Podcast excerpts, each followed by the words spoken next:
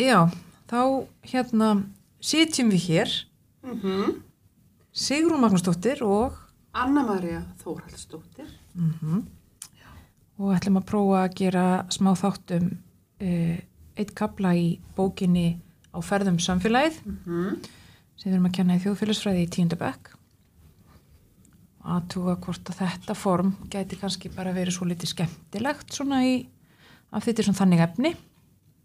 Já, prófa eitthvað nýtt. Mm.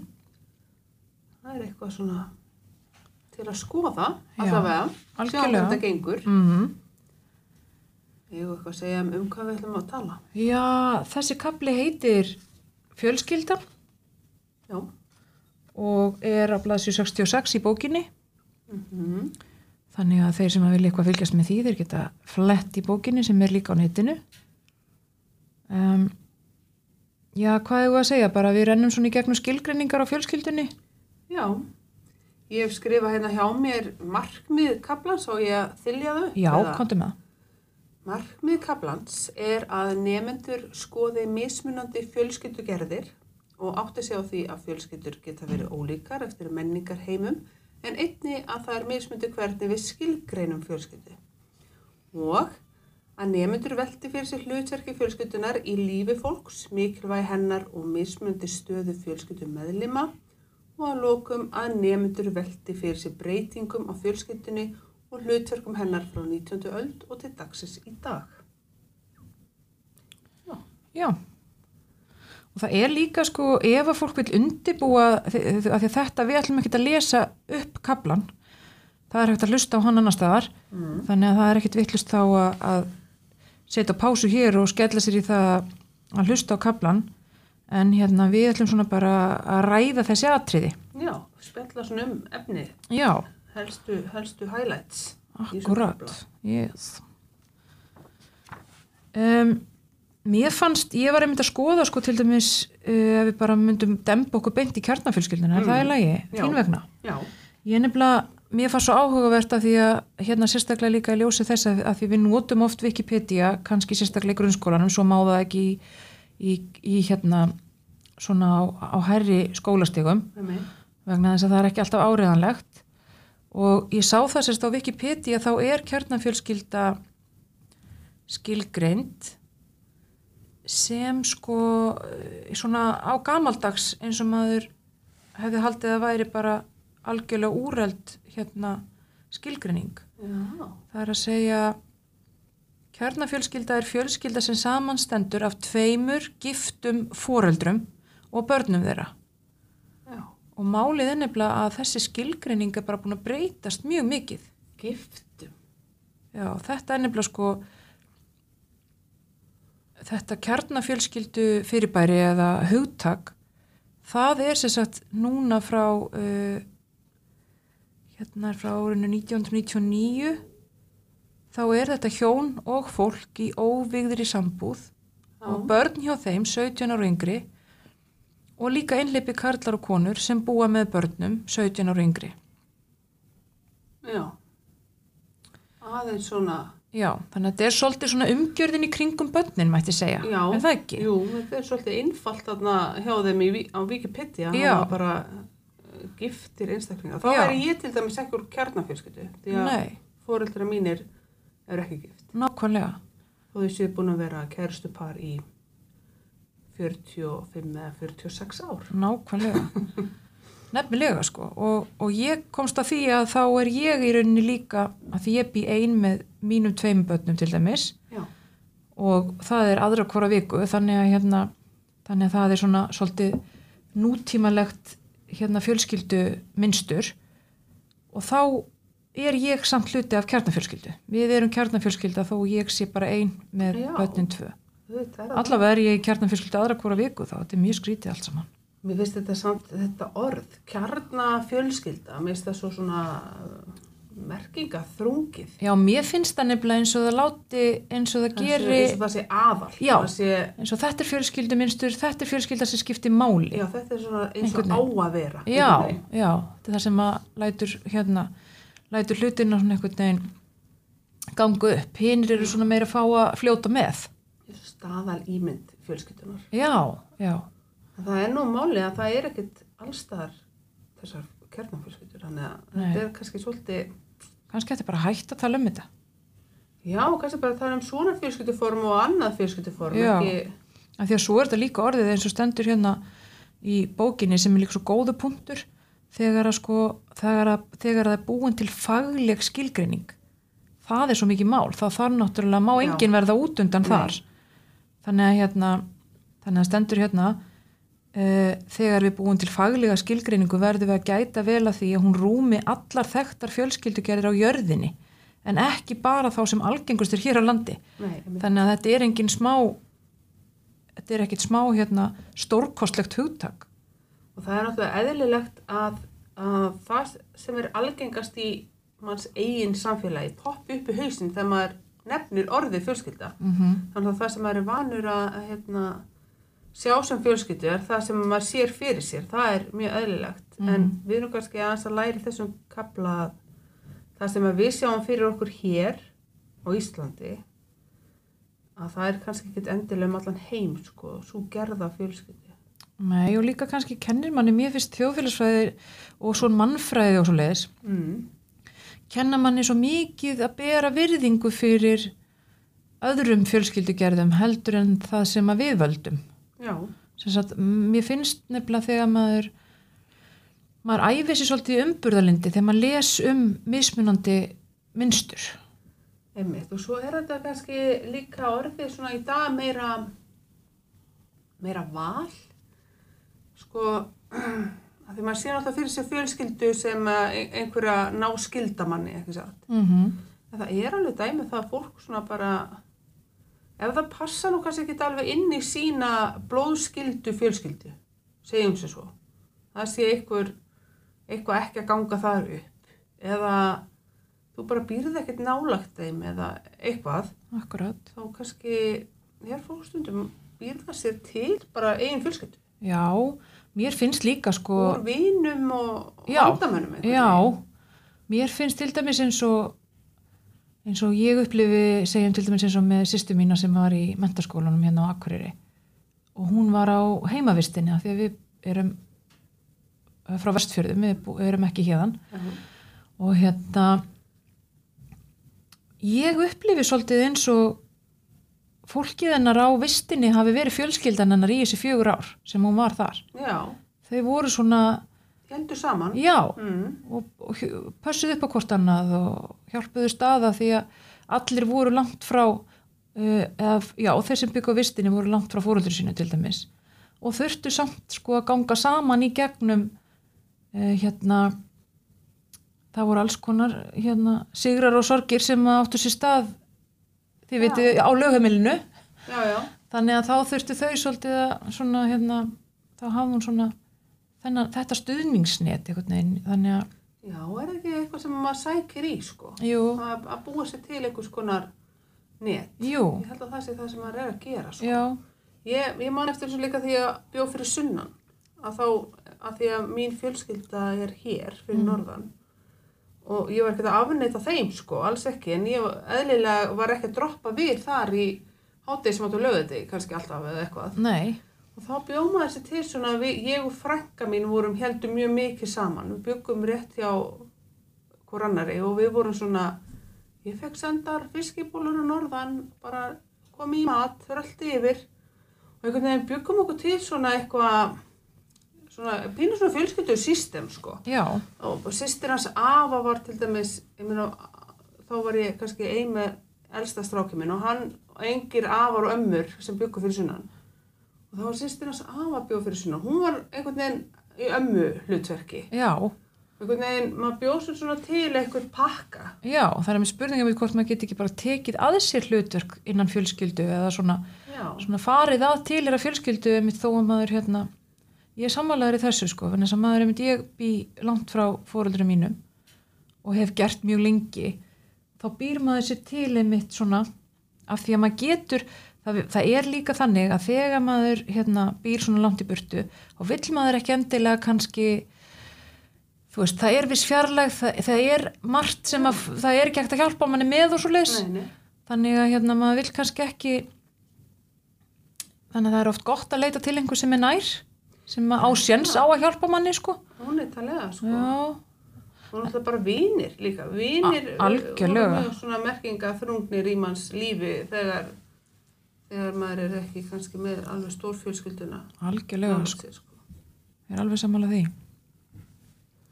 en það stendur líka hérna eins og með fjölskylduna þá er það hugtak sem er notað um hóp einstaklingar sem er tengdur eða skildur Já, emitt, tengdur. já, þannig að í rauninni á það við um það sem við erum að tala um en Já. svo kemur hérna og býr saman að staðaldri Já, svo er það sem er kannski aðeins tegjanlegt hugtak með það sem við vorum að tala um. Já og svo líka kannski, má, má ekki líka bara tegja þetta hugtak eins og önnur þegar við erum komin í svona líf þar sem að, ég meina það er svo margt breytt, það var, ég meina Já. mamma mín til dæmis var lengi heimavinnandi.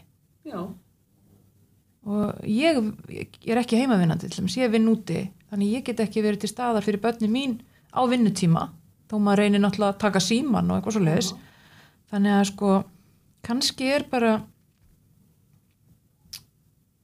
kannski er þetta, þú veist, þetta er alltaf tegjast.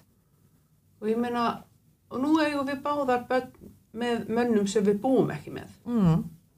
Skilurðu, þú- og þín tvö með þínum barsföður og ég og minn elsti á annan pappa heldur en þín tvö akkurat, og ég bý ekki með honum. En samt myndi ég segja að hann var hlut af fjölskyldunni. já, Hann er fjölskylda, ég meina hann er inn í dæminu. já, Þannig að hann býr ekki hjá okkur að staðaldri. nei, nei, Ég nefnilega, er ekki vissum að hann væri til í það heldur. nei, það var, Það var áhugavert. Já, það væri svona áhugavert. En, já, en ég myndi segja sko, við tölum um, við höfum fjölskyldu fundi, við höfum haft fjölskyldu fundi. já, Ég og hann þá aðalega og kannski þá strákurinn okkar. já, nákvæmlega, Þannig að hann er partur af prógraminu, eðlilega. En, Ég hef nefnilega líka hugsað stundum, þá hef ég hugsað sko hvort það væri ekki snjált að við myndum bara byrja að hugsa þetta öðruvísi, að því allt er svo breytt já, og bara hérna að það væri bara svona eins og sameinlegt rými, þannig að það væri bara tvær íbúðir í rauninni, mm, en þannig að fjölskyldur eins og okkar fjölskyldur, við þurfum til dæmis báðar að, eða þurfum og langa líka okkur fyrst gaman að vinna, gaman að hérna, fara í vinnuna og, og hérna, það gefur mér mjög mikið að vera að vinna. Já, og sagt, þannig að við erum að vinna og, og hérna og menninir okkar er að vinna. Mm, þannig að ég hugsa stundu hvað það væri geggjað ef til dæmis að við getum átt sikkvara íbúðina í kringum einhvers konar sameinlegt rými já, sem að myndi þá bara aðalega að vera til dæmis til að borða saman. Já, þannig að ég geti hérna þannig að maður geti svona skipst á að því að þetta er allt þetta er sömu verkefnin inn á öllum heimilum. Auðvitað. þannig að hérna eitt geti þá láti krakkana lesa á meðan að hinn vaskar upp eða Mm. eldar matinn einhvern veginn af því að hérna svo erum við öll í sikkur á hotnin að gera sömu hlutina eðlilega, þannig er bara lífið.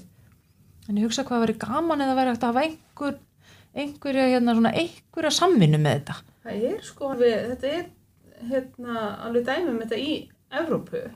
já, Svo Danir hafi verið með svona já, eitthvað samfunds kommunín, Já. eitthvað, veitum hvað er kallað þetta. mér hefur heyrst á fólki sem hefur verið mitt í háskóla í Danmörku að Já. þar sé rosa mikið svona kommunu Og það er bara byggt, byggt upp svona dæmi, þar Já. sem að hver er með sína íbúð, Mm. en það er sameilegt þetta og sameilegt hitt. Og hérna, mér þess að vinur minn uh, bjó á svona allavega, bara veit ekki hvort það býr ennþá þar, en hérna, ég var einmitt að spyrja hann í bara hvað og bara verður þá alltaf bara að borða með öllum hinum, en ef þú nennir ekki. Þannig að það er bara, þú ræðir því eða svolítið sjálfur. Já. Það eru þeir sem að kjósa að búa í svona, eru kannski opnir fyrir því. mm E, þú veist, ef þú ert mjög svona félagsfælin, þá er þetta kannski ekki góður staður. Nei, þú myndir kannski ekki velja að búa á Nei. svona stað. Nei, En ef þú ert ekki stuði, þá bara borðar þú, þú veist, þú takir halva mánu og borðar bara, þú veist, þú hittir engan sem á heima þá er það allt í lægi, sko. En þau eru með sem sagt eitthvað svona sammeilegt leiksvæði fyrir krakkana, sameilega maturþagarð, mann ég, þau voru með sundlug, eitthvað sem hann hefði ekki getað leikt sér einn. Akkurat, mér heyrist líka svo að því að vinkonum mín bjóða mitt í svona og tala hún líka um það sko að það var ekkert mál að fá pössun til dæmis ef hana langaði bara í bíó með manninu sínum Já, að þá hérna, mikið, miklu meiri samgangur milli nágrann en við erum vön. já, já En ég get svo svarið að ég las í hérna í blaði um daginn Já, fyrir ekki þá var, við þurfum að taka smá pásu, það ringdi hjá mig síminn. En það sem ég var að segja, að ég held að bara um daginn, bara í síðustu viku hafi ég lesið grein í fréttablaðinu um að það ætti að stopna svona á Íslandi.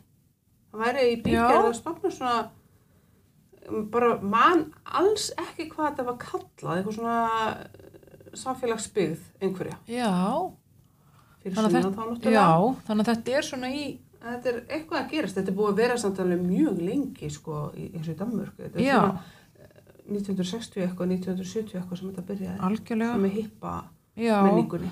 meiri svona meðutund um með mitt þessa samvinnu Já, þannig að kannski er það fyrir einhverja. mm en mér finnst líka samt að því að þú sagðir að við höfum þurft að stoppa þú þurft að taka símtal Já. þetta er svolítið mitt okkar hlutskipti er af því að við vinnum með mitt, við erum í þannig fjölskylduminstri núna að við, Mhm. að við vinnum úti Já. en þurfum samt að náttúrulega mitt að sinna alls konar svona, Já. þú veist Búum líka í barnvæna samfélaginu Akureyri þar sem að allt gerist fyrir klukkan fjögur á daginn Já. sem er okkar vinnutími. já, Þannig að maður er oft ansi svona með marga ánga úti hérna eftir háti, finnst mér. já það, það er þannig að það er líka stundum erfitt sko að átta sig á því hérna að því að maður verður stundur svolítið tættur þegar maður þarf að kannski að skreppa úr vinnunni og skjótast með hérna barn í íþrótt og fara svo helst að sækja það aftur og stundum kemur upp eitthvað ástand þannig að barni það nú bara eiginlega hafa mömmu hjá sér á æfingu og þá skulda maður og þetta er svona, er svona púsluspil sko. Þá, þá skarast þessar eins og við tölum um í, hvort ég man ekki einhverjum kabla hérna undan, þarna þessar mörgu mismundi stöður og hlutverk sem við höfum. Algjörlega. En auðvitað búum við vel svo sem að það er mikil skilningur á þessu. Já, Hjá við okkur. fáum að skjótast, Já. ekki alltaf. Sko. Það getur það hreinlega. Akkurat, en það væri líka hérna, já, þetta er bara Svo hlaupum ekki úr tíma. Nei, við gerum það ekki Það væri nú hann á pínu skrítið. Já, já, við höfum líka skildum að gegna hvort nemundum okkar og Mikið rétt. En uh, við í sambandi við fjölskyldu sko hugtaki þá er hérna annað hugtak sem er síðan stór fjölskyldan Já, sem er einmitt uh, samastendur á minnst þremur ætliðum sem búa undir sama þaki mm og hafa sameiginlegt heimilishald. og ætliðum þá er það sem sagt, er það ekki, þú veist, það eru eins og Amman og afinn. amma og afi er einn ætliður, pappi og mamma annar og svo börnin þriði. Já, Mm að þetta er svona, ég, ég, veist, ég myndi segja aðalega hafi það verið, sko, já, ég upplýði þú það að þinn og amma byggju inn á heimilinu? Reyndar, já, en það er ekki, sko, ég held að það sé ekki algengt fjölskylduform á Íslandi, endilega. Nei, ég held allavega ekki svona í setni tíð. Það hefur kannski Nei. verið, ég man að amma til dæmis bjóða eitthvað hjá okkur tímabundið eftir að afi dó, þú veist, en það, það var aldrei þannig að við værum, þú veist, að fjölskyldan, þetta væri svona ekki beint samilegt heimilishald, sko. Nei, við, við sem sagt fluttum til ömmu þegar afi dó Já, og þau byggu þarna út í sveit og í mjög stóru húsi já, og þá hérna, fluttum við þangað og við byggum á efri hæðinni og hún á neðri hæðinni. já. Það er lemmis mjög snjált. Það var mjög kósi fyrir Já. mig, sérst, eða þú veist, fyrir okkur. Já. Alltaf gott að fara til ömmu eða það var eitthvað vont í matinn til dæmis. Ég veit það nefnilega. það er líka voruð, hérna, ég man eftir því að því ég er náttúrulega frá Suðuriri sem er lítill bær og maður bara, maður stakk nefnum upp í loftið og, og hérna, fann kleinulikt, þá var alveg möguleiki og það var ekki ömmu. Emmi. Þá tjekkaði maður sko Ég fann maður það. bara hún var að steikja kleinur og fekk alveg bara rakandi nýjar kleinur. Þannig að maður svona, ég hef ekkert borðað kleinur til þeim síðan, mér finnst bara ekkert, Nei, er ekkert það jafnast ekkert á við þetta. Það er bara ekkert var í þær, sko, mér er ömmu kleinunar. Nákvæmlega. Ég, sko, ég kannski áttaði mig ekki á því þá, en núna áttaði ég mig á því hvað var mikill fjársjóður að alast upp með þessari auka kynslu Já. inn á heimilinu. Nefnilega, ég skal trúa því. Það var margt sem að hérna, hún, hún hafði líka einhvern veginn alltaf tíma já, og emmi einhvern veginn svona all- endalaust aðgengi að henni sko, sem að manni þótti notalegt. Já, það er eitthvað dýrmætt við það, það er eins og ég hef Já. oft sagt með, með hérna því að mamma var heimavinnandi. Og ég var ekkert alltaf heima, ég meina við sátum ekkert og vorum að föndra allan daginn eða eitthvað þannig, ég þurfti ekkert þannig síðan ég var bara úti með vinum og, og hérna maður var úti allan daginn, maður kom inn rétt til þess að hérna, borða og pissa skiluru, en það er einhver minning sem lifir í mér sem er að hún var til staðar Já, einmitt. veist, en hún átti náttúrulega líka vissuleiti þau reynda fórnuði miklu til að hún geti verið heima en, en hún átti samt kost á því Já. ég til dæmis hérna, af því núna er ég búin að búa einu með börnunum mínu til dæmis í einhver tíma ég á ekkert kost á því að velja að vera heimavinnandi Nei, alls ekki. ekki ef ég ætla að, ef ætlum að lifa af líka skilur. þannig að þetta var, hún átti kost á þessu þannig að þetta er svo sem ekki þetta er ekki þannig að að manni finnst átakanlegt að, að hérna, get ekki verið heimavinnandi en það er samt einhver tilfinning við það það var alltaf einhver heima var einhver staðar e, til staðar bara. Já, það er eitthvað, Það það er einmitt eins og með ömmuna sko, já. hún er bara til Það staðar var alltaf já, þannig að hérna. Maður kom einhvern veginn, það var, maður kom aldrei heim á þess að vera einhver heima til dæmis. einmitt, En hérna, að þetta er svo sem er náttúrulega alls ekki sjálfgefið sko að hérna, og er held ég bara mjög sjálfgeft að þetta sé þannig í dag að maður sé einhver heima þegar maður kemur heim. algjörlega sko Ekki er maður, náttúrulega, einhverju vinna á vaktavinnu og þá er það já, svona hapaglappa hvort að fólk er. Já, það er nefnilega sko, það er nefnilega ímislegt sem að hefur einhvern veginn, finnst mér, er betra. Já, En það er margt líka sem að svona, það er bara mjög, mjög erfitt að halda heimili í dag án þess að báðir aðilar séu útífinandi og hvað þá ef maður er einn þá er það nú bara já, sjálfgefið. ég veit og maður er líka litaður alltaf af samfélaginu sem að maður býr í. Já, Segjum til dæmis ef, að, ef að maður, hérna, ég er nefnilega svona búin að hugsa svolítið um það, til dæmis hugsaði, ég- hugsa ég oft um það í kringum jólin. mm. Þá er svona, það er krafa í samfélaginu á viss gæði. já, og einhvern veginn svona uh, ma, ég veit það ekki vegna þess að sko fjölskyldan getur verið nægjusum og, og svoleiðis en það eru kröfur í samfélagin, veit ekki alveg hvernig ég á að orða það einhvern veginn en það er svona hérna ég til dæmis þegar ég var yngri þá fekk maður jólagjafir sem voru ég fekk úlpu jólagjöf kannski já, eitthvað nýtsamlega. eða, skrif, eða skrifbórstól ég Já. fekk hann, en núna er, það er ekki þú veist maður skuldar þeim eiginlega gjöf ef maður ætlar að reyna að gefa þeim eitthvað Já, svona, eitthvað svona svona já, ég upplifi það svona ekki það er ekkit frá mínum bötum eða eitthvað svoleiðis en mér finnst svona þessu í kringum eins og það myndi ekki virka lengur að ætla að gefa ætla að ný, samnýta það, já, maður vantar skrifbórstól hérna ég gefa hana jólagjöf. Já, kannski samt þegar hann úlingar vegna þess að þá líka getur gefið þá kaupur þau mitt svona kannski flottari stól sem það eiga síðan þangað til þau eru Já, 25 ára sko. Já, já. Þetta, ég man alveg eftir þessu þegar ég var, var með minn elsta strák lítinn þá var ég alltaf, ég átti náttúrulega ekki krónu sko, ég var í námi, mm bjóð með hann einn í hérna skókassa. já, nákvæmlega. Í pínu lítilli íbúið stúdutugörðum Já. með námslán skilur ég var, það var ekkert var ekkert auka. Nei, ég, og hérna það var bara nýveða sjampo og, og, og kvítlösbröð var ristabröð með smjöri og kvítlöskriti mm þetta var bara svona við lífið. Já, já. Og þá var ég einmitt að gefa hann eitthvað nýtt samlegt í jólugjöf eitthvað svo smá dót með akkurat, sem ég vissi hann hefði gaman af. Já, já, og svo eitthvað nýtt samlegt já. Og ég var svona einmitt hugsa bara hvað ætli ég komist upp með þetta lengi? Hvað ætli að vera gamall þegar kom einhverjar aðrar kröfur sko. en hann var nú ótrúlega nægjum samur reyndar en hérna þetta er einmitt svona ég held líka að mörguleiti upplifum tóðast á í manni já, og ég held að mörguleiti upplifum maður þennan þessa pressu sko frá samfélaginu uh, ekki, úst, það segir engin viðmann skilur um beint, heldur er þetta bara svona krafan í samfélaginu er á vissa hluti. Já, ég man eftir til dæmis þegar það var sagt til dæmis við með ætlar ekki að kaupa spariskó á, á stelpuna mína þegar hún var, þú veist, bara pínu lítil sko, ég skildi ekki. Og ekki fann að labba Nei, neitt. nei, ég er mitt á námslánum og eitthvað, ég bara skildi ekki. Og líka sko sem hún myndi vaksa upp úr sko fyrir áramót.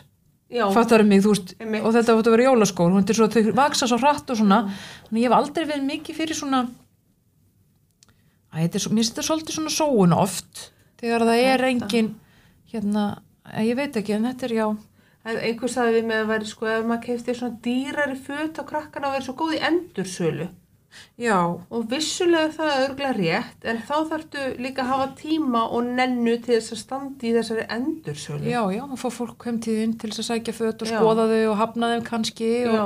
þetta getur alveg verið rosa business, sko. Já, og þá, ég meina, það er kannski allir sem hafa tíma til að dúlla sér þessu. Nei, Þannig að þetta er svona, sérstaklega ekki maður hefur enga ánægja af því. Þá vil maður helst ekki eigða frítímanu sínum í það. ég er alltaf mest glöð ef ég næja að kaupa eitthvað á ógsta góðum díl. Já, Þú veist, það er bara, það er mitt mesta röss í lífinu. já. Mér, Nú til dags. Já, mér finnst nefnilega líka, ég hef nefnilega fengið því að ég hef nú fengið, þú hefur nú gefið mig fött fyrir krakkana mína sem er af krökkunum þínum að því þú ert með akkurat Já. starðirna fyrir ofan. Já, og svo fekk ég einu sinni póka af fötum frá einni sem var bara fött sem var hægt að nota. Mér fannst ég bara að lenda alveg í gullnámi, Já. fullt af fötum, Já. svo valdi ég bara tíu flíkur af 30 eða eitthvað Já. og hérna, þannig að og svo restin fór bara í Rauðakrossin, en það eru fleiri sem að þá njóta góðs af því, Einmitt. Þannig að mér varst það, mér varst það svolítið skemmtilegt, sko. Bara, það er nefnilega það sem gleymist held ég svolítið þegar maður er að tala um, þó við sem kannski pínu komnar út fyrir efni. Já, en, já, eins og við gerum En, já, já, en, en, þegar maður er að tala um fjölskyldu, þetta er líka svo mikið sko rekstrabatteri. Já, Að halda heimili er bara heljarinnar business. já, og það er samt líka einmitt hérna, það er samt sko eins og komið síðan inn á í bókinni, ástæðan fyrir því síðan að það er mikið að skilnuðum, það eru margir sem skilja til dæmis. Já, að þið er bara einhvern veginn funkar ekki í þessu fyrir, fyrirtækja rekstri saman. Nákvæmlega, af því að við þurfum líka að viðhalda einhvers konar romantík eða einhvers Já. konar ástarsambandi við makan og, veit og, og hérna, Það er svo margt sem, margir boltar sem að fara að halda á lofti í einu, já, sko, í þessu dæmi. já, þannig að hérna, Það Og það það eru, sko- eitthvað brest í stundum. algjörlega, En ég, hérna, ég var með hérna í glærunum sem ég gerði minna kabla, hérna, að því við erum aðeins komin hérna inn á skilnaðina. akkurat, Uh, ég bara veit ekkert hvaðan ég tók þetta, hvort síðu úr kablanum eða eitthvað, en allt í lagi. Að það er hún Rosalind Russell sem var svona old school Hollywood leikona. mhm, Og svona, ég veit það ekki, hún hefur verið fyrir 1950, svona glamour Hollywood mhm, Hún sagði, allt of margt fólk leggur út á opið haf hjónabandsins áður en það hefur lært einföldustu sundtökin. já, Og þá fyrir að hugsa um hvað, veist, hvað, en samt hvað á maður að gera? Á maður að fara, getur maður að fara á námskeið námskeið í hjónabandi? já, ég mani mitt eftir því líka af því að það er verið að tala um sko, ég mani eftir því samt hérna í einhverju, það var einhverju bíómyndi mitt, þá var einmitt hérna, þá var einhver uh, ungkona sem að einmitt vildi bara finna mann, mannin sinn, skilur mig, Mhm. og svo var önnur eldri kona sem sagði við hana, þú veist, það er alveg líkur á því að fyrst í kærastiðin verði ekki endilega maðurinn Nei, en hún vildi finna mannin sinn, þessi unga kona. Þá sagði eldri konan, þetta er svolítið eins og að máta flík. Kaupir alltaf fyrstu flíkina sem þú mátar, eða mátar þau kannski nokkrar? Og velur svo eina.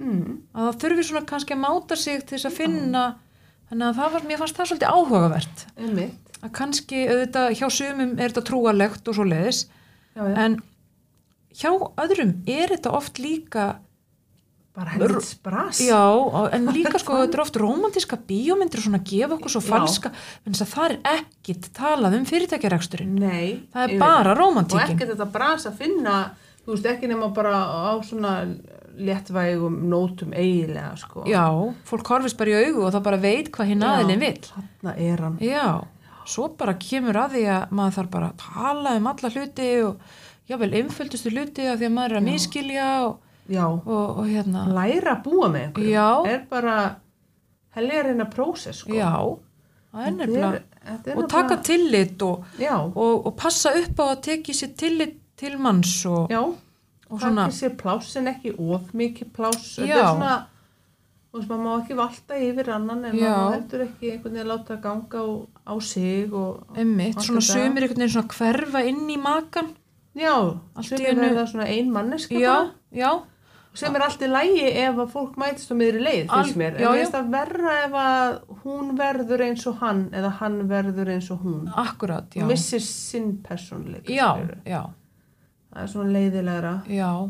Þannig að hérna, en sum, er, sum, sum hjón eru eða pör eru mjög ólík Já. en einhvern veginn fungera samt saman já, það er einhvern veginn svona það er það er bara mjög misjamt sko algjörlega. það er náttúrulega auðvitað kemur það fyrir að fólk bara byrja saman 14 ára eða eitthvað og, og finnur hérna sinn lífs förunaut, hvað sem maður, jú, Jú, förunaut. já, það sem eftir er, Það er ég held mjög- að það sé algjör hefni sko. já, ég held líka að sé svona vissu leiti einhvern veginn oft, fólk er oft svona aðeins jartengdara þá, þó að sé hljómi, kannski þú veist, þá er það einhvern veginn, þá gerir það ekki, það er ekki komið út í. Rugglkröfunnar, sko. Nei, Það er eins og að sé svona alist svona vissu leiti upp saman, að, svona já, já. þannig að svona, það elur svo litið hvort annað upp, mm einhvern veginn, ég, ég veit ekki hvernig að orða það en það er einhvern veginn eins og uh, já. kannski líka meira pláss bara til að einhvern veginn að fikra sig áfram. Þá er ekki komin þessi pressa, fólk talar um það að það sé, þegar það er ekki gengið út er eitthvað þrítugt eða hvað það er. Já, já, þá sé komin þessi brjálæðislega pressa. Já. Er fólk verða að segja mitt svona eins og var í, mér, í hérna, eins og í Bridget Jones. Þú veist, það er Já. náttúrulega þá var svona pínu hvenar á svo að fara að finna sér mann, Já. skilur en það, væri bara þetta væri bara svona ákvörður sem hún þurfti að taka. Akkurat. Ekki það að hún var að rempast við að reyna að finna einhvern sko. algjörlega og það getur oft bara svolítið hérna sprungið upp í andlitið á fólki þegar það leitar of mikið sko Já, og sætti sig kannski við eitthvað eða, eða fer inn í eitthvað sem að augljóslega er ekki að fara að ganga upp. Akkurat. En að samaskapi eins og ég hérna til dæmis að því að einmitt, þegar maður upplifir líka sko að þetta virkar samt ekki þannig eins og í bíómyndunum að maður verður samt að leita eitthvað ef maður langar sko. Það er Já. svolítið það líka. Maður getur ekki alveg hérna það er kannski ekki alveg þannig að, að maður að ég veit það ekki, að maður horfist í augu við eitthvað manni við fristin í bónus bara og þar sé þetta komið sko. Þannig að það, það er nú ymsa leiðir í dag til dæmis eins og Tinder og eitthvað svoleiðis Já, já. sem gerir fólki klift að leita að svona einhverjum sem að hugsanlega gæti átt, maður gæti átt samleið með Já, þannig að það eru komna svona leiðir þannig að maður þurfa nú ekki að rempast við og horfast í augu við alla í bónus, nei ég segi og svona einhvern veginn sko samþyktari leiðir, þetta var náttúrulega til. Já. Sko, eh, manstu, í gamla dag var Já. eitthvað sem heit engamál. Það var eitthvað svona síða já, sem að maður fór og skráði sig inn á ef að maður var í stuð fyrir það og, og gætt svo að mattsa eitthvað. Ég, og það var, voru fordómar gagvart í það voru miklu og gagvart í. já, og það er svo fyndið af því að sko okkar kynslu kynntist mikið á böllum Mjög mikið mikið, þú veist, eins og bara- það sé eitthvað betra. Já, Svolítið, eða svona skemmtistöðum. já, fólk kannski vaknaði saman eftir ball og svona, já, þetta er bara hittast aftur. Já þetta getur gengið. það var náttúrulega alltaf eitthvað svona blúsandi rómans. Nei, það var það nú ekki, sko. Ég, en það var eins og þetta engamál dæmi væri, það var svona tabú. já, Á meðan Tinder er það ekki, nei, nei það er einhver hefur orðið þróun bara. Já, það var kannski bara tæknin sem að, hérna, sem gerir manni kleift. Ég veit það ekki, því það er eitthvað svo sjálfsagt. já, Ég veit ekki hvað það er, en, en ég mannar því ég á svona vinkunni sem að, að, á mann, sem að þau kynntust ég mitt á engamál.is og það var bara svona höss, höss, sko. já, Þau voru bara búin að saminast um einhver aðra sögu. Þau þurfti ekki, ekki að segja þetta. já Ég meina, þú veist, ég, ég get ekkert sagt, sko, ég, hérna, ég meina, ég kynntist mínu manni í þjóðleikuskjallaranum, skilur, já, á bar, bara, Það, á, bara við barinn, bara. það er svolítið við fórum svolítið þessa leið okkar kynslu Það, þetta var svona, það var tindir þess það tíma var tindir Já. þess tíma örgulega, sennilega. af því að það var líka svona þetta snýst allt svolítið um sko svona first impressions þetta snýst Já. um að hérna Ég var sjálf mjög, hérna, fordóma fyrir hvert þessu ég sagði bara, nei, ég vil ekki láta ljúa að mér í gegnum internetið. Þá vil ég nú freka bara veist, vera á barnum og horfast í augu við hann og láta hann ljúa mér þannig. Já, veginn- augun sokkin í hérna já, Ég trúði því einhvern veginn að ég myndi frekar geta að lesa í leikin sko meðan fyrir fram að mig. já, ég held nefnilega líka einmitt að hérna, það var líka einhver örvænting skrifuð á netið. Já, já. það var svolítið svona Ertu orðin Já. svona desperate, þú bara komin á engamál.is. af því að það var náttúrulega þannig eins og er í dag. Það er ekkert allir fyrir að fara heldur á böll Nei, fólk var ekkert, og í dag er nú ekki einu sinni böll sko, nei, en fólk var ekkert fyrir það var ekkert, það eru sumir sem bara fannst gott að vera heima og langaði til að hitta einhvern annan sem fannst gott að vera heima, einmitt. þú veist, og, Já. og það er rétt, þú finnur ekki einhvern Horfa sem finnst, bara á línulega dagskrá og rúf og Já. hafa kósi. að þú finnur kannski ekki þann sem að finnst gott að vera heima á balli Nei, þannig að þetta, þú veist að þar og þú bankar ekki upp á bara í stíðaganginu hjá þér það er rétt sko, þeir koma nefnilega einhvern veginn með það. Það leik kemur ekki til manns alltaf veginn. Nei, en að samaskapi þá náttúrulega eru, ég las það að það, það er í bókinni stendur 40% hjónabanda enda með skilnaði. Já, það er að því það er engin námskeið. Já, já, af því við erum líka, við, ég held nú að, sem sagt, ég held nú að margir reyni og, og svona, en ég, veistu það, þetta er samt alveg satt þetta með námskeiðin, þó maður tala um það svona í gríni, þá er þetta í rauninni ótrúlegt að maður svona, maður ætli einhvern veginn að eyða lífinu með annari mannesku og helst í einhverjum samruna sem á að gerast án orða Já, þar sem að sko þarfir og þrár á að, þá að mæta hérna þörfum og þrám allra eða báðra aðila en ekki orða þær. Nei, það bara að fléttast einhvern veginn svo lífrænt saman. já, það er svona, hérna- já, það er ekkert mikið talað um þetta sko. Eh, nei mér finnst, mér finnst ekki og sama með foreldrahlutverki það, af því það er svo stórkostlegt hlutverk sko Já. og svo marg slungið þá finnst mér Engar að meðbynningar. nei, Nei, en samt alltaf eins og ég segi bæði með hérna í, í þessu öllu, bara í lífinu þá líður mér alltaf eins og að sé einhver reglubók eitthvað staðar sem fólk vísar í svona þegar það Já. er að, þú veist já, þú gerir þetta svona, svona, einhvern veginn og maður bara, já, býtu, hæ, býtu hvernig á að já, ég bara, það er nú alltaf verið, það er nú verið til siðs. já, eins og sé einhver reglubók eitthvað sem ég fæ ekki aðganga að Já.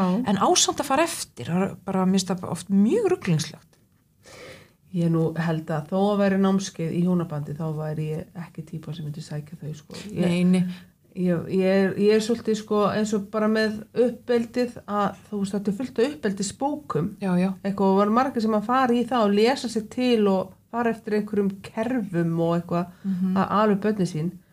Og ég var alltaf rosa mikið, ég fæ svona einhverjum mótur og þrjósku og röskum þegar Já. kemur að svona og bara neini, neini, ég I'm doing it my way. Já, ég ætla ekki að láta segja mér hvernig ég ætla já ég, ég til dæmis að rosalegur hérna, í rosalegu mótró æðislegur rebel þegar ég var með mína krakka litla. Þau hérna þoldi ekki íþróttálfin og nammi daga Nei. þoldi ekki Ó. nammi daga þetta Ég- var alltaf svo hræðilegt Já, mér fannst þetta bara svo leiðinlegt líka sko, þetta, mér fannst þetta að því að ég náttúrulega er- uh, var yfir þrítugu þegar ég átti mína krakka. Já, og þetta var bara, þetta bara hérna, þetta var svo mikið áreiti að ég var bara Þannig að erum við hérna- örgulega að tala við fólki sem horfið á þetta. Sennilega. Þannig ég bara, Ég en það var alveg svolítið fyndið þegar hérna, þegar krakkandi mínu vissi ekki hver íþróttálfur var. Já, þegar allir vissu, já, já. Þetta er nú bara eins og mig og banana. Ég borða ekki banana og, og eða sko elsti strákurinn minna því að hann svo mikið bjóð með mér einni hann borðar ekki heldur banana það er ekki að því að hann finnst það ekki svo vondir hann er bara ekkert vanur að fá það nei, eða borða hann eitt sem inni heldur banana þannig að hann bara nákvæmlega, það, en það er samt líka svo hjá mér, ég segi þetta oft, þá segi ég oft hérna þegar einhver segir, hefur ekki smakkað svona nei, það var aldrei svona heima hjá mér, segi ég þess það er bara skýringin, það er bara, maður vandist ekki á það eðlileg skýring Já, fiskibólur í bleikri sósu til dæmis. hvað aldrei er hjá það? mér. Nei, aldrei heima á mér nei, nei, nei, nei. Ég, Kannski hvað- veit enginn ég hvað það er lengur. ég hef aldrei smakkað ég Nei, ekki ég heldur en mér finnst allavega Það er líka hljóma svo illa já, já, einmitt svakalega ógjörn En fólk talar um þetta með mikill romantík svona, já, sem ah, það er svo gott að hafa fiskibólur í bleikri sósu bleikri svo sem Já. er það ekki eitthvað með tóma svo sem Já, þetta bara hljóma bara, það er svo kokk, þetta bara hljóma hræðilega finnst mér eins og svo heit sem Já. eitthvað ó, var. Þetta er ekki fólk sem átti heimavinnandi mömmu. Nei, tjók. Eða ömmu. Já, ömmu. Nei. En við ætlum ekki að gera lítið úr fiskibólunum, það er hafa staði fyrir sínu. Fiskibólur dósa á björga mörgum mörgla. Mér fannst sko fiskbúðingur aftur á móti góður. Hafa miklu betri. Eha, Ég vanar í húnum. nú er hann svöng. Heyrðu, en hvað er það? Ég var að tala meira með þetta með, með skilnaðina. Já, Er það eitthvað sem að við erum að... já, það er hann að tabla á blási 72 já, yfir helstu ástæðaskilnaðar. já, ætli þetta sé eitthvað sem maður tikkar í, ég man ekki eftir að hafa fyllt út neinn eðublöð, nefnilega því ég skildi. Nei, eða þegar maður giftir sig. Jú, það var nú eitthvað þegar maður Já, giftir sig. það er eitthvað. Ekkert samt varðandi hjónabandi í rauninni, Nei. sko. Þetta er eitthvað bara mm, meira eitthvað, Já, eitthvað svona lagalega, nú eru þið, það það, kenni tala þetta. já, Og svona frekar kallt og þurrt. já.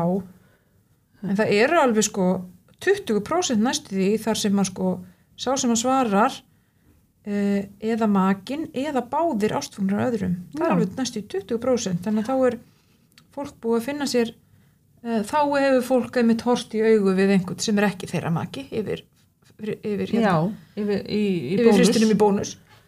En algengast er þó átti ekki lengur samleið með maka. Já, og Það- það er, það er það sem er talað um þegar að fólk vex í sundur, það er svo, svona, hérna, oft talað um það, já.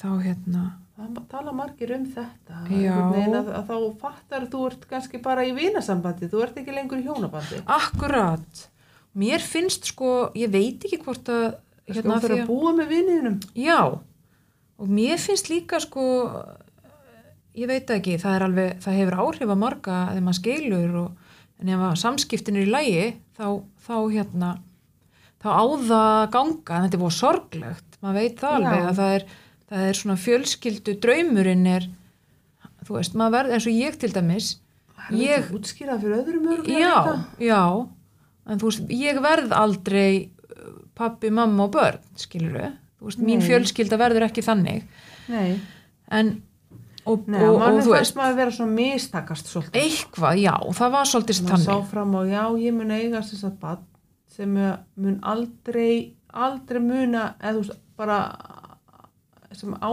ekki fóreldra sem, sem byggu aldrei saman akkurat, hann er ekki alin upp við það að við höfum nokkuð til að búið saman. Akkurat, og ég bara, guðum góður þetta verður hann örgla falli bara hann verður utangátt í samfélaginu. Já, hann hefur nú einhvern veginn alveg pluma sig já, hann allavega, ég get hugga mig við það, að hann man ekki eftir einhverjum, skilur einhverjum hræðilegur yfirildum eða einhverjum Nei. svoleiðis. Því svo er það líka það, stundum finnst manni kannski, eins og ég hugsa líka, við erum líka fyrirmynd, já, þannig að maður líka hugsa að hérna, kannski er betra fyrir börnin að eiga einstætt fóreldri eða tvö einstætt fóreldri heldur en sko fóreldri sem búa saman og eru vansæl vegna sem maður gefur til dæmis lítið af sér En maður er vansæl já.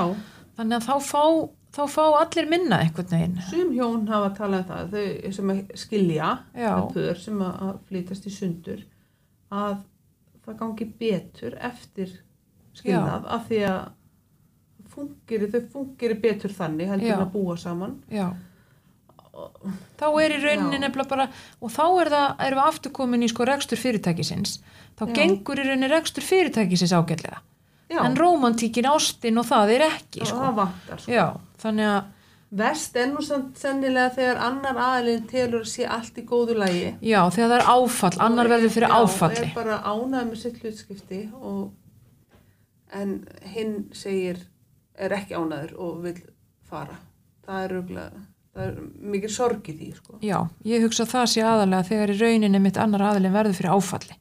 Já, Það sé, það sé mjög, náttúrulega erum við bara með x marga mínútur í þessu prógrami eða ég veit ekki alveg, við sem að renna út á tíma. nei, ég veit ekki alveg hvernig það virkar, en það er eins og það sé einhvern veginn, nei, það er hérna, Já, ég ætti að spá í að þetta sé renni út. já, já. Á ekki að stoppa, að, að var að, hann var að tala um það sérst, að það myndi láta okkur vita að það væri komið þetta langu tími. Þannig að Já. við erum sérst búin að tala í 45 mínútur. Þau er aldrei eftir að hlusta á þetta. Nei, jæja, við sjáum til. Þetta er rosalega, við vorum bara ekki að taka eitt kapla eða tvo Já, kannski. nákvæmlega. þá erum ekki tvo En við gerum þetta svolítið, þá dettum við svolítið í, í spjallið sko, en, Já, já, en hérna það má hlusta á þetta í góðan göngutúru eða eitthvað. Uh, sko, það sem ég myndi að halda aðalega eins og núna í sambandi við sko Æ, ég veit það ekki, hvað langar mann að spjallu meira? Ég, mér langar alltaf að tala um fjölverið já, mér finnst það mjög áhugavert. og fjölkvænið, Já, þú veist bara svona það er eitthvað að tala um hérna, þú veist, að, verði mikið félagsmótun innan fjölskyldunar. Við erum svo sem búin að fara yfir það akkurat, áður. akkurat Að, þú veist, þessi, þessi hérna frum mótun verður þar. Við lítumst mjög af því hvernig fjölskyldu við ölumst upp í. já, Það er bara, og til dæmis, og til dæmis hérna, mótar þá okkur hvað fóreldrar okkar og fjölskylda hefur mikinn tíma fyrir okkur. Uh, já, vissulega. þannig að hérna, það. Og hvernig þetta, þetta hérna, fór allt saman hjá kynnslóðinu undan okkur já, já, en mér finnst sko líka þegar mér langaði aðeins bara nefna það því að mér fannst þú snjált sem að hérna, ég mani til ég las það einhvern veginn í bók eftir hana hérna Möggupálu Já, þá talaði hún um nefnilega að fyrst er maður alin upp af fóreldru sínum mm en svo tekur við sjálfsuppeldi. Já, og mér finnst það einmitt stundum sko gleymast. já, Já, og stundum líka gleymast að það er rosa gott að vera búið með sjálfsuppeldið áður um að síðan elur sjálfur upp, verður uppalandi. Já, sjálfur. já, svolítið svona sem að gerir svolítið upp, uppeldið sig Já, og áttar sig álíka eh, af hverju hlutinir eru sem þeir eru, þú veist, kannski upplýði maður eins og hérna, ég man eftir til dæmis að ég upplýði kannski að að fóreldrar minni tristu mér ekki af því ég fikk ekki að gista hjá vinkonu minni. En svo kom í ljós að mamma vissi bara að það var kannski hérna ekki nóg gott ástand á heimilinu hjá vinkonu minni þannig að hún vildi ekki ég væri þar yfir nótt. Já, þannig að hérna alls konar svona hlutir sem að skýrast eftir því sem að verður eldri og getur oft verið gott að að hérna því að stundum finnst mér eins og fólk færi svona úr einum öfgum í annað Já. ég mátti aldrei fá það sem ég fannst gott þannig ég gef barninu mínu bara það sem því finnst gott. Já, það þarf aldrei að fá hérna soðnar gulrætur hjá mér.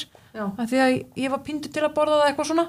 Mm. þannig að þá, þá vantar sérst, þar sem maður átt að segja á að því stundum auðvitað ég er algjörlega Já. voru, ég meina, ég- sumir í kringum mann voru bara píndir til þess að borða og, og voru Já, láttir já. sitja við mataborðu þangað og horfðu á fiskinn bara fram eftir kvöldi og svoleið sem er Já, auðvitað yktar já, útgáfur já, en það er nú örgulega undan teknika tilvík. Sko, algjörlega, algjörlega En ég held að sé bara stór áfangi í þroska hvers og eins er þegar hann gerir sig grein fyrir því að fóreldramanns eða uppalendur er, eru mannlegir. akkurat, Er ekki einhverjar, einhver súper, hérna, einhver súperfólk sem að, sko, hérna, já, hagaði sér, gerði alltaf, tók alltaf rosa meðvitaðar ákvarðanir um öll, allt sem það sagði og gerði. akkurat Það er nefnilega ekki alveg þannig. Nei, mér hefur líka fundist hérna, mér hefur fundist sko dýrmætt þegar fólk er tilbúið samt svona einhvern veginn að þroskast mér finnst þess að Já. sumir verði bara svona já, já, þetta var bara svona, svona gerði maður bara á meðan að aðrir eru, þú veist, já veistu það, ég bara, ég var að gera mitt besta. Já, og ég held að þetta væri þér fyrir bestu og bara ég sé Já. það alveg núna að þetta var ekki rétt hjá mér. Það sé svona það sé, manni sé leift svolítið að gera upp já. stundum, þannig að segja mitt það var ekkit slæmt á bakvið það Ég man alveg eftir, ég tók alveg meðvita ákvörðin um það þegar ég var að fóreldri, ég var bara svona, hvernig fóreldri ætla ég að vera? Mér fannst þess að ég þurfti að vera með einhverja stefnu, já, já, stefnu yfirlýsingu, akkurat ég vissi ekkert hvað ég var að gera, ég var 24 ára. Já, og hérna, og þá ákvað ég bara, því betur að ég komst að þeirri niðurstu að ég bara, ég ætla bara að gera mitt besta. já, Ég veit að ég mun gera einhver mistök, já, en ég ætla bara að gera mitt besta í Mhm. þessu já. Og ég hef alveg sagt það, ég bara, ég, ég veit ekki hvað ég er að gera. Þess að elsta strákið minn náttúrulega, því að hann er frumraun mín. já, já, ég veit ekki, ég kann ekkert inn á þetta. Við, við bara reynum að finna út úr þessu ég gerum þetta saman bara Gerum þetta saman, einhvern veginn. já, Frúllum einhvern veginn gegnum þetta. akkurat Og það hefur bara gengið ágætlega, sko. já, ég veit það nefnilega, þetta er nefnilega Erfitt að vera, s- hérna, einhvern veginn ætla sér að vera fullkomin í þessu hlutverki. Já. Veg, erfitt. var það svo líka svo erfitt að vera síðan að skamma sjálfa sig fyrir það einmitt, eins og þú segir, við erum bara manneskjur Og ekki vera að skamma fóreldra manns þó ma- þegar maður er fullunni en þau voru ekki fullkomin. Það er ekki fullkomin. Er bara, við erum líka fullanda fólki, við erum með sömu tilfinningar og, og úlingar við erum alveg jafn. Já. Við erum bara re reynslunni ríkari. Já er, við getum byggt á einhverju reynslu. En, að- en, en í rauninni að mörguleitru tilfinningarnar jafn frumstæðar. Algjörlega. við verðum, getum orðið jafn reið og jafn ástfangin og jafn mikill ástasorg og, og svona. Ég veit ég þá er ofta erfitt að halda haus. Nú er ég stelpu sem er sjöndabekk og er svo kvöldu velgja, hún er hérna, að verða gelgja. Mjög og hún er, hún er dálítið dögum með útúrsetningar. Já, er svona síð okkur foreldra sína til, við erum ógeðslega aðstæðlega með þetta og hitt og, mm og ég, yfirleitt hef ég bara húma fyrir þessu. já, En stundum, þá fæ ég alveg nóg, bara ég, þú veist, ég er bara ekki stuði fyrir að koma heim og fá einhverjar endur þessar blammeringar um að ég eigi ekki að vera í þessari peysu svona eða eitthvað. akkurat, eins og kunnur ekki vera til. Eigi þú litli krakki, já, nákvæmlega veist, ég segja nú ekki nei, nei, nei, hugsaðu En smá já, stundum er maður bara ekki alveg í stuði fyrir það. Sko. nei, nákvæmlega En, hérna, en ef ég myndi segja þetta við hana, þú veist, ef ég væri með svona endals og útastendingar, þá er það, ég meina, þá er hún verulega sár. já, Sko. Nákvæmlega verður stundum að hugsa, sko, að jú, jú, það er alltaf þannig að krakkar eru pínu kannski svona segja þetta og hitt við fóreldar sína, en, en stundum kannski verður maður bara að að þau eru bara, kannski, nennar kannski að hlusta á alltaf sama nei, þrasið. nei, Ekki frekar en að krakkarnir nennan hlusta alltaf á sama þrasi í þeim. akkurat, akkurat það er mjög góða punktur Það er að muna sko. já, það er mjög góða punktur Ég var eitthvað að ræða um, um fjölverið og, og hérna, fjölkvænið. uh, já, mér finnst það alltaf svolítið spennandi að því að sérstaklega líka þegar ég las um þetta í mannfræðinni Rússinan í pilsu endan. Já, mér finnst það að því að ég las um þetta í mannfræði þá opnu og horfði á einhverja þætti, svona einhverja fræðslu þætti. þá opnuðist svolítið augum mín sko gagvart hvernig við hugsun fannst mér, þessast vestrænar þjóðir eða svoleiðis. Eða, hérna, fyrsta sem er alltaf spurt er og sofa þau öll hjá hvort öðru einhvern veginn. Það var, Já. fyrsta hugsunum var kynlíf. Já, beint í það. Já, á meðan að sko það var ekki aðalatrið allavega eins og til dæmis í þessu sem ég sá Nei. þá var það meira bara að samfélagið uh, virkaði ekki nema það væru hérna hvað ég segja, þetta snýrist í rauninni ekkit um kynlíf, þetta snýrist um Samvinnu. já, frekar. já, það er bara þetta er eins og Já. með eins og með hérna fjölverið þegar að ein kona giftist bræðrum Mm. þá teiknaði hann bara upp á töflu fyrir okkur kennarin landsvæði. Já, og já, við það var smá tröflun hérna þannig að við þurfum að, að hérna, setja pásu. En það fer nú að síga á setni hlutan fyrir þá sem að eru hérna andaslítrónum. í andarslítunum já, nákvæmlega. En það er sem sagt þetta með fjölverið og það. Uh, þá er í rauninni sko samfélagi býður upp á upp á það að uh, það, það verkaskiptingin verkaskiptingin er eitthvað neð þannig.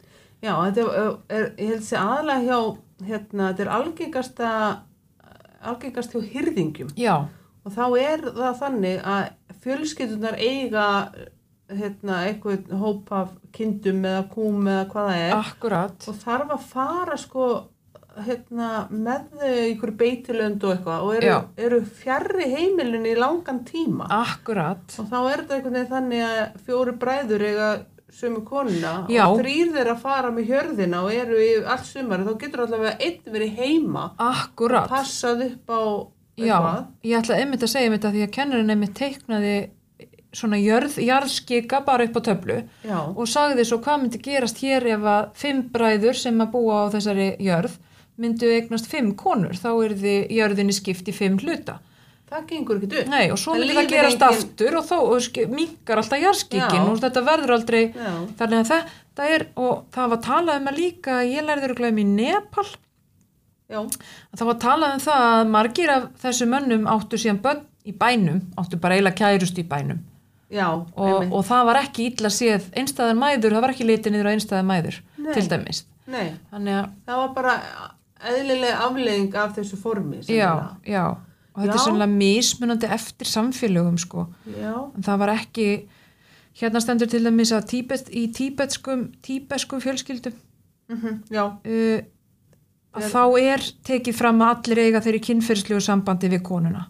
Já, og ég man eftir að sé einhvern þátt um þetta einmitt, það sem kom einhver svona vestræn sjóaslið að taka upp þátt um fjölveri. Já, og þá voru þau einmitt að tala um svona kosti og galla og voru að tala um þessa samvinnu og, og hérna maður þurfti bara að vera duglur að tala um hlutina og, og þá, þá hérna einmitt spurðan beint svo út í kynlífið. Já. Af því það örgulega var það sem að vakti ma- mesta áhuga fyrir okkur. Mm og, og þá voru hún svona eitthvað, ha, já. Já, Já, það var það. bara já, þá væri einmitt Einmitt. algjört aukaðatriði já, veginn. þá er þetta þá snýst þetta um sko þá er þetta einhvern veginn þá virðist eins og þau séu ekki eins uh, upptikkin af rómansinum eða þú veist, þau eru einhvern veginn ekki eins Ég man að var samt einhver kall sem sagði að hún verður, konan, verður að passa það að, hérna, að allir þeirra, allir hennar eigimenn, hún þarf að sinna Já, þeirra þörfum. já, já. Og ég hugsaði bara, ef hún nennir ekki, hvað þá? nákvæmlega, það er náttúrulega það, og, það, og svo sem kannski mitt Helvítis kemur pressa. alltaf já, hérna er nú mynd, hérna blæsju 77 mynd af konu með, með fimm bræðrum Já, já, þannig að þannig að hérna já, þetta er svolítið svona... þannig að þetta er, já, já, þetta er alveg þær sko, töluðu samt vel um þetta sjálfar. Það er já, það. já Þeim fannst þetta þægilegt fyrirkomulega en það kannski þekki ekkert annað. Nei, og svo veit maður líka sko, allavega finn, finnst mér þetta líka að kenna manni kannski að maður þekkir ekki alveg, þú veist, hvað, hvað eru lífsgæði þarna? Hvað er, hvað er annað í bóði? Þarna á hún jörð innan gæsalappa og börnin hennar alast upp á Mhm. jörð með fimm pappa sem að, eða, þú veist, fimm, eða pappa og föðubræður Já, sem að, þannig að, já, sem veita öryggi, afkomu öryggið og, og Mhm. þú veist, þannig að þetta er svona, kannski er það öryggi fyrst og fremst. Ég, ég man eftir líka um, í uh, þættu um það sem að voru sérst, fjölkvæni, það sem að var ung, uh, ung kona og þá virtist til dæmis vera mjög algengt að það áttu kærasta sem að voru, Já. það var, va- það var örugglega Masai það Já. áttu strí, stríðismenn sem sagt, sem voru, voru í svona her eða Já, svona, svona, svona meiri flakkarar. Já, svona já. já, svona töluðum og það virtist bara vera Já. mjög eðlilegt en þetta er líka oft mikill aldursmunur og margt sem að er gaggríni verðt og, og hérna eða svona, ég veit ekki hvað hvar einhvern veginn, maður vill alltaf vanda sig maður vill ekki Svo vera með fordóma og sleggjudóma og svo leiðis en að samanskapi er Ég hef líka séð svona frétt eða, eða, eða litla heimildamyndum mormóna fjölskyldu þar sem er einn maður sem á sex konur. já, Mér fannst það að vera svona, mér fannst það að vera ríka miklu meiri sátt um þetta í, í hérna tíbesku fjölskyldu sem ég Já. sá hérna með uh, konuna sem átti marga bræður sem eigin, eiginmenn. já, virtust að vera svona meiri sátt það var, það, það var lögð áherslu að væri mikil sátt þarna í fjölkvæninu þar sem voru margar eiginkonur Já. á yfirborðinu en man, maður svona skinjaði undir kröymaði svona afbríðisemi og kannski svona já. ekki alveg ekki alveg eins og það átt að vera fannst manni nei, veginn. ég sá að mitt þátt sem er Netflix, sástu hann eða? Nei, ég sá nefnilega þátt sem er um og þá er mitt sámaður að þetta fólk hafði því alveg sömu tilfinningar og við. Það bara las hérna aðra bók, eða ég veit ekki hvernig að orða það það er Já. bara trúir því að já, það trúir því í rauninni minn, mér minnir að það hafi verið þannig að þið trúið því að í rauninni fjölskyldan sem þið búa til er fjölskyldan sem þið hafa á himnum eða ég man ekki alveg hvernig þetta er allavega er þetta þannig að þeim er mjög í hag að eiga mikið af börnum og til þess að eiga sem mest af börnum þurfa að eiga nokkra konur já, en þeir þurfa náttúrulega að geta séð fyrir þeim. Sumir voru, konuna voru að vinna og svo leiðis en manni fannst sko þær voru til dæmis þegar að þær voru að lýsa og voru rosalega skemmtilegt ef þið sjáu þess að þætti þeir eru sérst á Netflix. En þess að mér fannst þau samt vera svo heiðarleg. Þess að þau sögðu svo fór hann að tala um það gæti verið snjált að hérna fara að huga að því að fá sér nýja konu. Og þá urðu þær það brast svolítið hjarta þeirra. Já, þær vissu að það myndi koma að þessu. Já, en þær voru þær voru bara í einhverju tegund af ástasorg vegna þess að þær voru Já. hann var ekki að skilja við þær maður þeirra heldur var að koma önnur kona og þær horfðu á uh, þegar hann er í hérna hvað heitir það svona Tilhugalífinu, hann var skotin í annari konu Já. hann var að fara með henn á stefnumót svolítið með hann á heilanum þessa nýju. Já, Já. og spjalla um það ef hún myndi vilja vera hluta fjölskyldun okkar hvernig við þá, ef hún myndi vilja koma ef hún eitthvað neginn þannig að þær voru svona með í þessu ferli og manni fannst það svona eins og það væri svolítið en, og þetta, þau tala um það þetta er hluti af verkefninu þeirra Já. er að komast í gegnum þessi verkefni Já, komast í gegnum þessar raunir mér finnst þetta svona mér finnst bara svo áhugavert að fólk leggja þetta á sig sko, að þetta Já. er svo að því að já, eitthvað neginn þetta er svo fjarrir manni, maður hugsa bara neyninni, ég var nú ekki típan í þetta. nákvæmlega En svo hugsa maður, kannski ef maður er alin uppið þetta,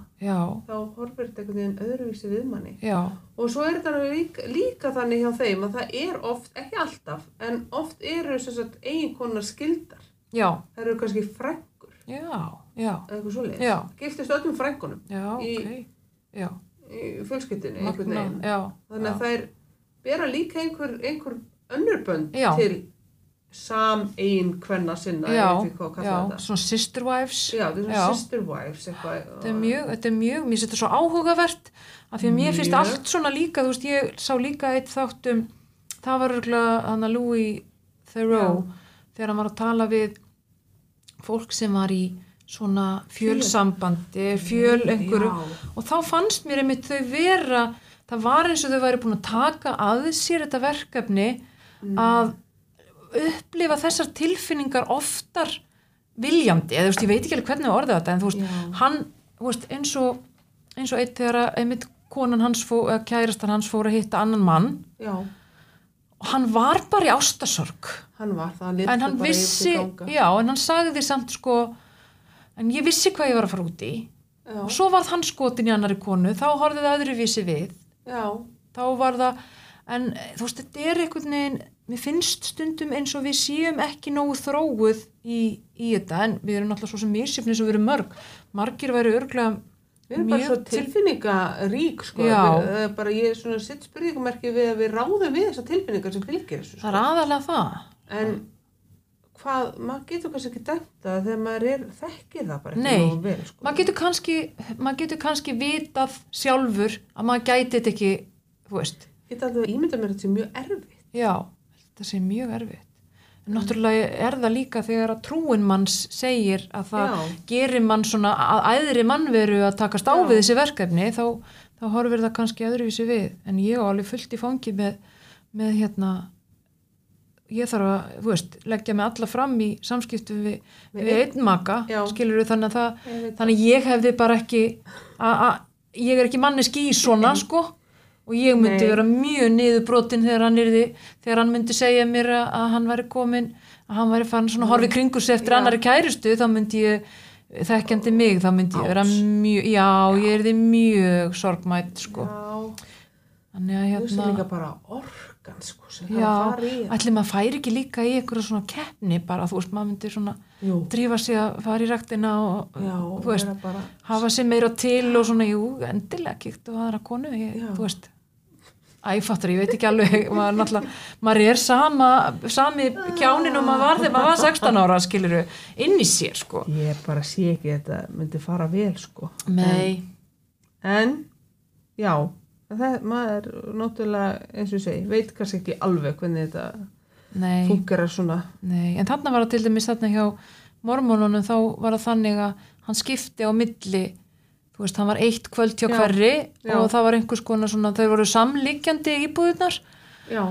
og Mér fannst að vera svaka ála á honum að vera svona sjatla Alveg hreint. máli og passa allir fengið jafnt og það var var svoleiðis svakalega mikið og, þa og það er náttúrulega líka eins og þegar átti sín að fara að taka fjórðu konuna. Já, þá náttúrulega kom bara ok sem sagt uh, þú uh, þá ekki- er það sérst fjórða hvert kvöld.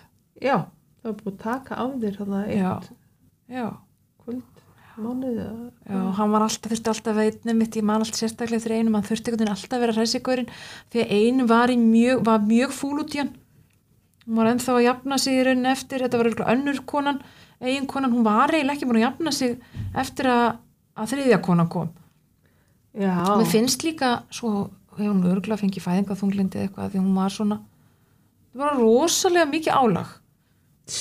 Uh, mikið á fólk lagt, sko. er mikið á fólk að þetta, þessi svona, hérna, hjartansmál geta oft verið svo mikið álag en Já. eru svo, er, geta verið svo dásamleg þegar þau ganga vel. Um mitt. Þannig að svona, svo er mitt, þarna þá verist eins og þegar allt er fyrir að ganga vel þá er komið tími til þess að brjóta upp. Þetta er sko, og það er eh, eins og, eins og hérna, velgengni í ástamálum er svo mikill drifkraftur í lífið. Já, Þá er hitt svo svakalega íþingjandi. já. Þannig að, að hafa, að hafa einhvern með sér í liði í lífinu bara einhvern veginn er svo dásamlegt sko Já, þannig að hérna á meðan einmitt að, að, að, að ástasorg getur verið svo þung sko já. og erfið og hérna, Við förum nú í það í næsta kafla. já það Gaman er- saman. já, Ást og ástasorg og alls konar. já, það er bara þetta er bara Hvað snill þegar við tölum lengi um þann kafla? nákvæmlega, Halleluja. það er bara gott þá er þetta bara frábær loka orð kannski að því að við erum eiginlega búin að Já, þá er að það nýta svolítið endan á þennan kabla Erum við ekki bara komið með þetta? dásamlegt, Þá bara... þá segjum við bara takk og bæ eða er það eitthvað formleira Takk fyrir okkur í, í bíli.